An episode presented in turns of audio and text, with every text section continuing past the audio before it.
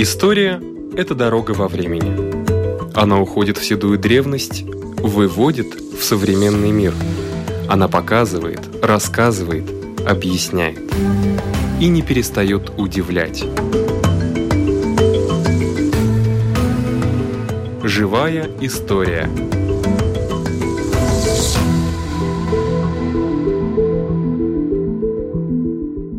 У микрофона Лидия Чера.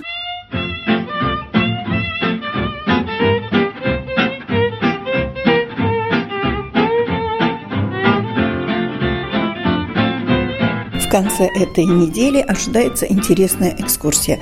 О ней расскажет заведующая музеем Романа Суты и Александры Бельцовой Наталья Евсеева. Так что за экскурсия? Это будет прогулка по трем музеям. Национальный музей художеств главное здание. Это будет музей декоративного искусства и дизайна и музей Бельцова и Суты на Элизабетас. И во всех трех музеях мы будем смотреть работы Александры Бельцовой, представленные в экспозиции. Почему? Вот как раз об этом хочу сказать, потому что, во-первых, все эти мероприятия этого месяца связаны с юбилеем нашего музея, 10 лет. Во-вторых, Романа Суту недавно все видели, год назад была большая его выставка, и сейчас музей работает над выставкой Бельцовой, которая состоится в следующем году.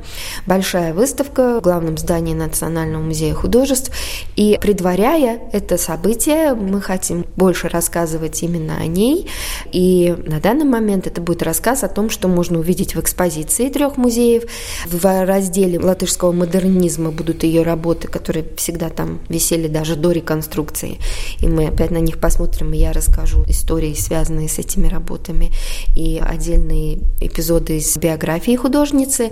Рассказ о Балтерсе будет в Музее дизайна и прикладного искусства, а завершится прогулка здесь, на Елизабетес, в Музее Бельцовой и Суты, чаепитие. И заодно тоже мы еще раз поговорим о Бельцовой. Много работ сохранилось в музеях? Приблизительно 100, там больше. Больше, больше, да. Если считать то, что в нашей коллекции находится, это около двух тысяч. Но это включая рисунки, наброски. Живописи меньше, намного.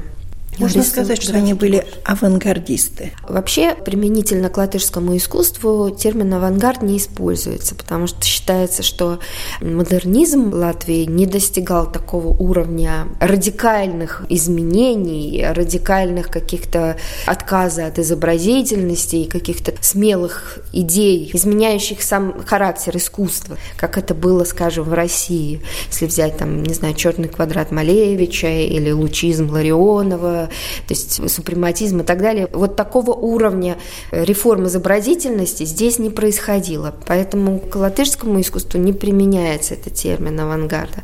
Но модернизм в полной мере в латышском искусстве проявил себя очень-очень ярко, и Бельцова и Сута, безусловно, представители одни из ярких этого направления. Во сколько будет экскурсия? Начало будет э, в 12 часов, и встречаемся мы в главном здании Национального музея художеств. Угу. Сначала мы посмотрим там экспозицию, работу Бельцовой в экспозиции, потом мы идем в Старый город, музей декоративного искусства и дизайна, и потом на Елизабет сюда. Ну, судя по тому, что однажды мы почти всю передачу посвятили одной картине, думаю, что там истории достаточно такого личного характера с интригой. Да. Спасибо. У нашего микрофона была заведующая музеем Романа Суты и Александра Бельцовой Наталья Евсеева.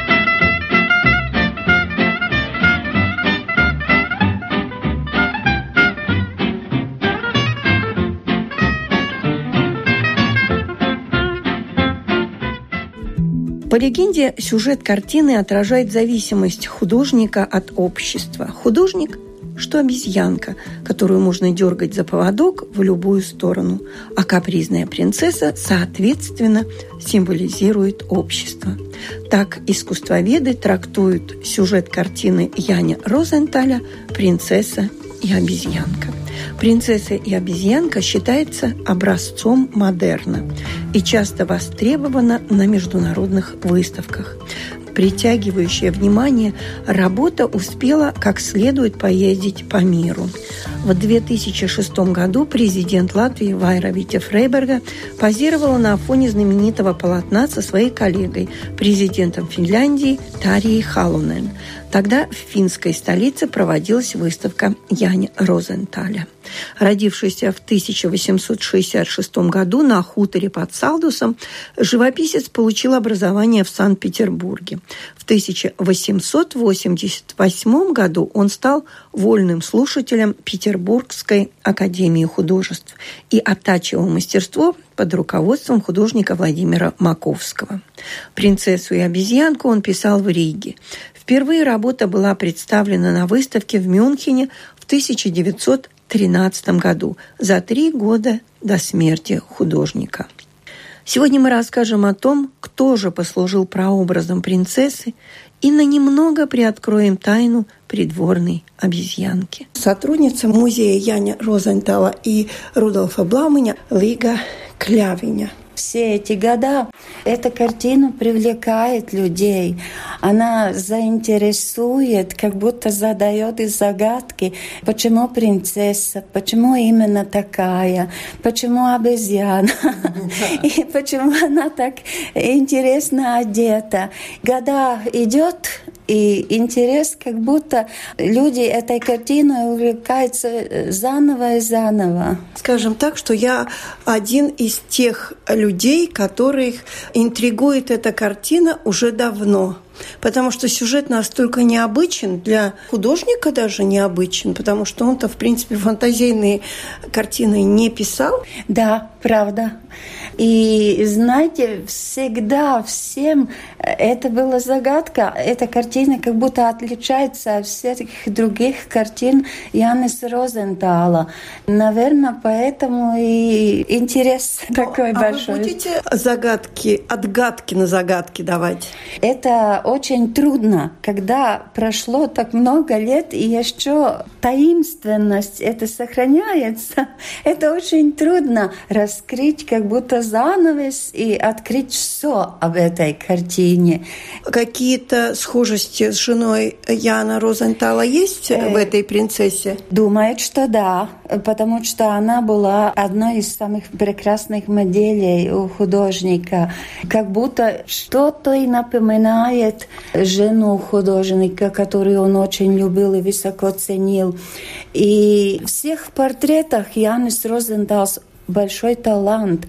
Он всегда стремился в своих портретах показывать самое красивое, самое лучшее, самое дорогое, то, что имеет этот человек.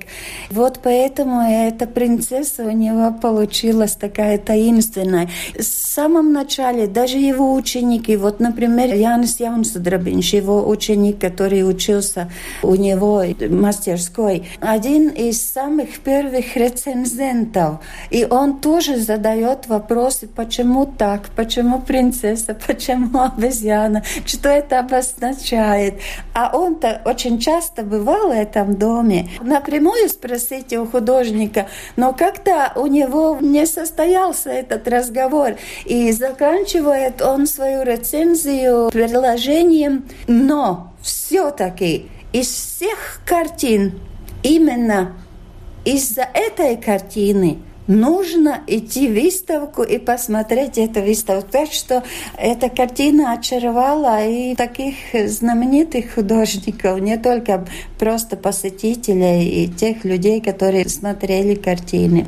Вы спросили, что именно этой принцессе от его жены. Да. Думается, что вот этой принцессе можно объединить образ, который он получил не только одной женщины, вот говорится, что мог бы моделью этой принцессы быть знаменитая латышская актриса, которая работала в латышском театре Мария Лейко, и в Германии работала много лет, потом вернулась опять в Латвию. Как будто фотографии ее, смотря, некоторые моменты совпадают, линии, черты лица, но если говорится, она как будто очень короткое время работала здесь, в Риге, театре.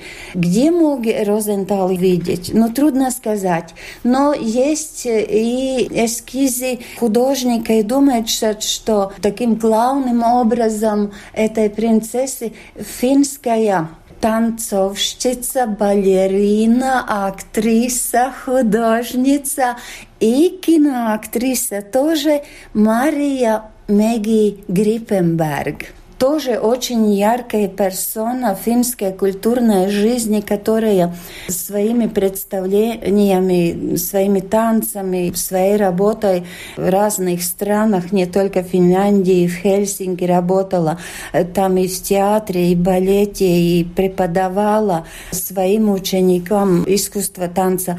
Так что думается, что она именно один из главных таких образов этой принцессы. Но я думаю, что она как будто ну, в себе хранит много хороших представлений, много красивых женщин жизни художника Яниса Розентала когда он писал эту картину, какой у него был жизненный этап? Он был в Риге или он путешествовал? Он был уже женат? Были ли у него дети? Он только что вернулся с путешествия в 1912 году в Италии. Они там были оба с супругой. И привез очень хороших картин, большую коллекцию. Но потом 1913 год, как будто уже родилась эта картина «Принцесса с обезьяной». Сохранились некоторые рисунки с этой обезьяны. Сохранился какой-то первый наброс, этюд, да, этюд, да, принцесса с обезьяной. Когда эта картина была готова, она потом побывала в всех самых главных выставках в конце жизни художника и в Петербурге в 1915 году, и потом уже в 1913 году, когда была его вторая персональная выставка здесь в Государственном музее в Латвии искусства. Потом в 1916 году этой выставки в Петербурге был, был большой успех. И потом Янис Розенталс участвовал в э, организации второй выставки в Москве в 1916 году. И там тоже была эта картина. И интересно, что эта картина очень нравилась и жене художника. Когда-то внучка Ева Розентал рассказывала, что в семье говорили, что э, это самая большая ценность, как будто если в доме что-то плохое случится, то сперва нужно спасти именно принцессу. Так что и жене была дорогая эта картина. И в день смерти художника, он скончался в Хельсинки в 1915 году, в конце года, день похороны его в гробе находились не только, как у нас принято, цветы, но находились и картины. Портрет жены, портрет ее родственницы, писательницы Майлы Талвио, но рядышком головы художника была принцесса с обезьяной. Тоже так, что все самые как будто его... Дорогие его работы. Дорогие, любимые его работы, да. Тоже странно. А не сохранились его дневники, какие-то письма? Письма сохранились, да. Они хранятся в музее письменности. И там есть письмо, которое он писал 1915 года с выставки латышских художников в Петербурге, э, что вот успех там. И получил уже в 1913 году письмо от своего близкого друга уже студенческих годов годов Бернхарда Борхерта, который специально в Мюнхене пошел смотреть принцессу. Он так мило говорит «принцессите». Ему очень понравилось, и он посмотрел, и, и только такое короткое письмо оттуда из-за этой картины написал художнику ему понравилось, но говорить о том, что они тоже обращали внимание на нехарактерность, несоответствие творчеству Розенталя, это картина стоит особняком. Никто не спрашивал, почему. Я э, главным образом пользовалась э, материалом, который хранится вот, в Музее письменности и музыки. И нигде не находилось вот такой ясный ответ. В ведь было не характерно обезьян держать дома – это... Знаете, нет, это было время, когда было в моде вот этой самой рецензии Янис Йонсудрабинш пишет, что пришли модные времена, mm-hmm. что молодые женщины теперь не ходят собачками, а ходят обезьянками. И даже Анна Бригадере потом написала рассказ «Мальчик с обезьяной». Не знаем. Была ли какая-то связь? Была ли какая-то связь, но был такой рассказ. И если говоря об этой обезьянке, она была очень реальна. Это тоже рассказывала мне ночка, Ева Розентале. То время было время, когда существовала главным образом живая музыка. Mm-hmm. Не было ни радио, ни все такое, что знаем мы теперь. И по дворам ходили шарманщики. И чтобы было интереснее слушать эту музыку, шарманки. С ними вместе ходили то ли обезьянка, то ли собачка, ну какое-то животное. И вот э, когда она слышала от своих родителей, дочь младшего сына Яниса Розентала Митилиса. Когда вот этот шарманщик своей обезьяной пришел на двор Альберта 12, тогда все порадовались, и дети с денежками побежали вниз дали эти деньги шарманщику, и тот позволил им брать с собой обезьянку. И дети играли вместе с ним. Наверное, не только детям полюбилась эта обезьянка, но и художнику. И поэтому она попала в эту картину. И он поймал вдохновение. Возможно, такой ответ, да. Он ее писал весной, осенью. Думает, что это второй половине 1912 года, потому что его вторая персональная выставка начиналась 28 декабря 1912, и тогда уже была картина, и картину пошел смотреть и Брюссел, который в 1914 году был в Риге. Картина большая, почти практически в полный рост. Ну да, потому что картина заинтересовала и нравилась многим. Желали как будто у себя тоже эту картину. Купить хотели. Да, и поэтому он сделал некоторые повторы, но по своей ценности и... Он сделал копии. Да, копии. Они не достигают уровень оригинала. Вот интересно, копии делал сам автор, но все-таки что значит вдохновение, что значит момент, который он поймал э, в первый раз. И даже сам автор не может сделать достойно копию того, что ему удалось однажды. Да, у него э, характерно, что не только вот это случилось с принцессой и обезьяной, есть и другие картины, у которых он как будто делал повтор. То ли его заинтересовал этот мотив, этот сюжет, то ли как будто он старался уровень поднять повыше, мастерства. Трудно сказать, но принцесса не единственная, у которой есть вот эти повторы. Ну, главное, что это, ну, скажем так, не копии неизвестного художника, а да, а именно самого да. Розенталя. Да, да. И вот даже после его смерти в Хельсинки в 1917 году там была большая памятная выставка художника в Большом государственном национальном музее искусства Хельсинки Антениума. Там тоже была принцесса с обезьяной. Так что как будто одна из самой главной картины его жизни.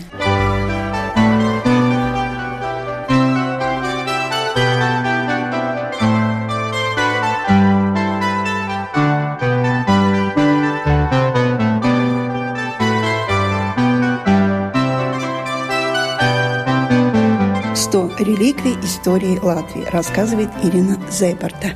Один, можно смело сказать, из самых древних предметов в музее. Это одна из ста реликвий истории Латвии – костяная фигурка фигурка женщины, которая найдена при раскопках в Звейнеке это вблизи Валмеры, на берегу озера Буртнеки, между двумя реками. Между рекой Руя и рекой Салаца находится один из самых значительных археологических памятников в Латвии – это Звейнеки. Этот археологический памятник относится к каменному веку, к среднему и новейшему каменному веку, к мезолиту и неолиту, когда еще не было укрепленных жилищ. Вы можете себе представить, как в каменном веке человек жил без особо больших средств к существованию. И большинство строений каменного века вообще не сохранилось.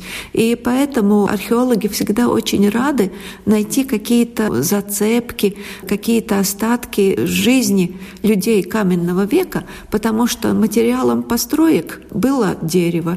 Дерево, как известно, очень быстро распадает в земле, как органическое вещество, которое не сохраняется. И поэтому очень часто находятся только заметки, приметы того, что жил человек. Например, места очагов где земля уже приобретает другой цвет, более темная и становится, ну, например, более жирной от того, что проливалось что-то от еды, которую готовили на этом очаге. И больше артефактов о жизни человека каменного века обычно находится в могильниках, в захоронениях. И вот эта костяная фигурка, фигурка женщины, тоже найдена именно в захоронении. И в Звейнеке раскопана в течение многих многих лет под руководством археолога Франциса Загорскиса и его жены Илги в течение многих сезонов раскопаны и захоронения, и поселения людей каменного века. Оно считается очень значительным не только для истории Латвии, но и для истории всей Балтии и даже всей северо-западной Европы. И в одном из захоронений новейшего каменного века, неолита, была найдена эта фигурка. Фигурку нашли в захоронении ребенка. И так как это женская фигурка, со всеми признаками, какие имеют фигурки каменного века, когда у женских фигурок бедра шире плеч, а у мужских фигурок наоборот, плечи шире бедер, так вот эта фигурка с очень ясно выраженными женскими приметами, она небольшая, 13 сантиметров в высоту, костяная фигурка. И абсолютно ясно, что это женская фигурка. Вот именно по бедрам, по силуэту этой фигурки. Фигурка украшена ромбовидными мелкими узорами, которые, трудно сказать узорами, такие как зарубки маленькие, которые по всему периметру фигурки повторяются на определенном расстоянии. Руки фигурки, вероятнее всего, сложены на груди, так кажется, глядя на эту фигурку. И вот потому, что эта фигурка фигурка найдена в захоронении ребенка, наверное, можно интерпретировать то, что, может быть, это мать или мать родная, или мать племени, которая дается в это захоронение ребенку по пути в другой мир, чтобы его сопровождало. Захоронение типично для всех захоронений этого периода. Оно содержит охру, это окись железа. Из-за этого земля в таких местах, где содержится окись железа, становится красной или красноватой. И древние люди этой красной землей охрой засыпали или определенные места, или почти все захоронение. Это было традицией. Почему это так было? Существует несколько версий. Например, то, что охра могла быть из-за своего красного цвета символом символом жизни или символом начала новой жизни. Или так символом как, огня. Или символом огня. Древние верили, что человек переходит в другой мир – и, может быть, эта красная охра сопровождала его, как и эта женская фигурка, может быть, фигурка матери, сопровождала этого ребенка в другой мир. Эти фигурки, которые изображают людей, антропоморфные фигурки, они очень редкие. Редкие вообще и редкие в том числе на территории Латвии находки. Их всего несколько. Мы можем посмотреть в экспозиции нашего музея одну такую мужскую фигурку, которая найдена у озера Лубанас и тоже относится к каменному веку, и две фигурки, которые изготовлены из янтаря, и это, в общем, все более значительные изображения человека. А эта костяная фигурка, найденная в захоронении вблизи озера Буртнеки, в захоронении Звейнеки, она к тому же и считается самым древним изображением человека, пока до сих пор найденным на территории Латвии. А как вы думаете, чем делалось это? Из кости, я понимаю, ну, кость это животное mm. какое-то. А вот каким предметом? Тогда инструментом, да, да. Каким инструментом? Орудием. Орудия труда, между прочим, тогда были тоже костяными но не только. Может быть, это была кость, которая была более твердой. Но орудия труда были из кости, из рогов животных, из камня и из кремня. Кремень тоже, конечно, камень, но, вероятнее всего, орудия из кремня были самыми, во-первых, острыми, а во-вторых, предназначенными для таких мелких, особенно таких действий, которые требуют точности. И если эта фигурка только 13 сантиметров, то и орудие труда должно было быть очень-очень маленьким. И если вы посмотрите в экспозиции нашего музея на орудия труда, изготовленные из кремня, вы увидите, что большинство их чуть больше сантиметра, двух, а если три сантиметра, это уже большое орудие труда. Но оно было очень мелким. Кремень раскалывается на такие пластины. И на месте такого раскола, если его начать колоть, это такое кремневое гнездо, место разлома сразу острое. Но если оно недостаточно острое, древний человек, обитавший во время мезолита или неолита, уже умел его заточить. И вот таким орудием, совсем большим, которое берется в два пальца между большим и указательным пальцем, держа вот это орудие, можно было заниматься и украшением каких-то предметов. И, между прочим, мы храним в музее и предметы каменного века, которые действительно очень красиво украшены украшены разными орнаментами. Древний человек тоже имел свое представление о красоте и умел очень красиво украшать свои вещи. Другое дело, что до нас их дошло довольно мало, и поэтому мы их очень-очень ценим. Это может быть предмет культа, это может быть первая игрушка. Может быть, но скорее всего, что предмет культа, потому что древние люди очень серьезно относились к таким вещам. А женщина в те времена, ведь родоначальница племени, она начало жизни, ведь в то время люди именно женщину связывали с продолжительницей жизни, продолжительницей племени. Да, действительно, это время матриархата. И поэтому изображение женщины и я опять возвращаюсь к тому, что я сказала, их настолько мало, что мы должны думать о том, что они имели особое значение. И должны были быть, я думаю, предметами культа, ритуала, священными предметами. Как вы думаете, а вот эти ромбообразные выемки, может быть, там что-то было вставлено, может быть, какие-нибудь камни были там? Вероятнее всего нет. Они нет. мелкие. Они mm только такие, как зарубки, как заметки, отметки. А вот что они могут обозначать? Хоть какое-то предположение. Вероятнее всего, все-таки это не рациональное, а эмоциональное это украшение, чтобы все-таки украсить и показать тем, что человек долго работал. Представьте себе, насколько это долго Может, это да. сделать, эти маленькие зарубки, которые идут по всему периметру и образуют силуэт, настолько это была работа, требующая терпения и точности, что в этом уже, вероятнее всего, и отношение человека к этой фигурке, к этой работе. Это была большой ценностью, потому что представьте себе в то время, когда человек в основном занят заботами о выживании, продолжении жизни, кто-то находит время заняться такими вещами, которые с точки зрения выживания абсолютно не нужны, не рациональны. Это значит, что древние люди достаточно много думали о своем духовном мире. Спасибо. У микрофона была историк Ирина Зейберт.